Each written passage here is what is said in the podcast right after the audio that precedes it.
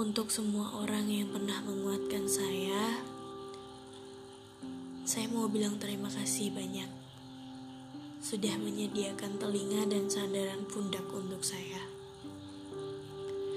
Bahkan lebih dari itu. Saya sendiri nggak percaya kalau sekarang saya sudah hampir sembuh total dari luka yang dulunya menganga lebar. Sebagai orang yang pernah dikuatkan, saya juga ingin menguatkan. Saya janji, saya akan ada saat kalian butuh pendengar dan butuh sandaran saat kalian jatuh. Enggak, bukan pengen kalian jatuh, enggak. Cuman kan memang manusia nggak pernah selalu di atas. Ada kalanya di bawah. Dan saya pengen jadi orang yang bisa menangkap orang-orang yang dulu pernah menangkap saya saat saya jatuh. Ya, kalau kamu sekarang sudah bertemu bahagiamu, syukurlah aku ikut bahagia. Aku minta maaf gak bisa nemenin kalian saat bahagia. Karena saat ini saya lebih suka merenung sih. Merenung tentang luka yang hampir tertutup rapat. Namun harus sedikit terbuka lagi.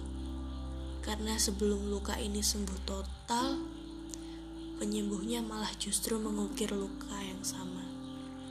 Tapi nggak apa-apa sih. Saya kira saya sudah cukup tangguh untuk berdiri dengan kaki saya sendiri. Luka baru ini sepertinya bisa sembuh dengan obat yang masih bisa saya minum kapan saja. Iya, obatnya cuma ingat pesan kamu. Udah jangan nangis, katanya udah terbiasa.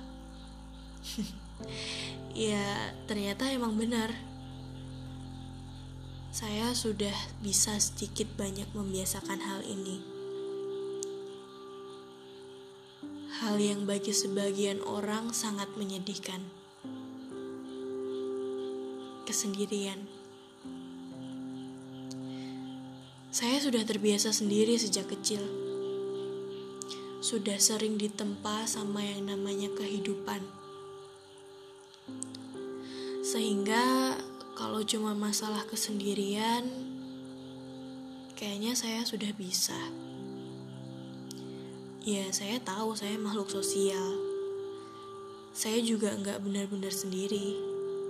Hanya saja, saat ini saya dikelilingi oleh orang yang hanya sebatas mampir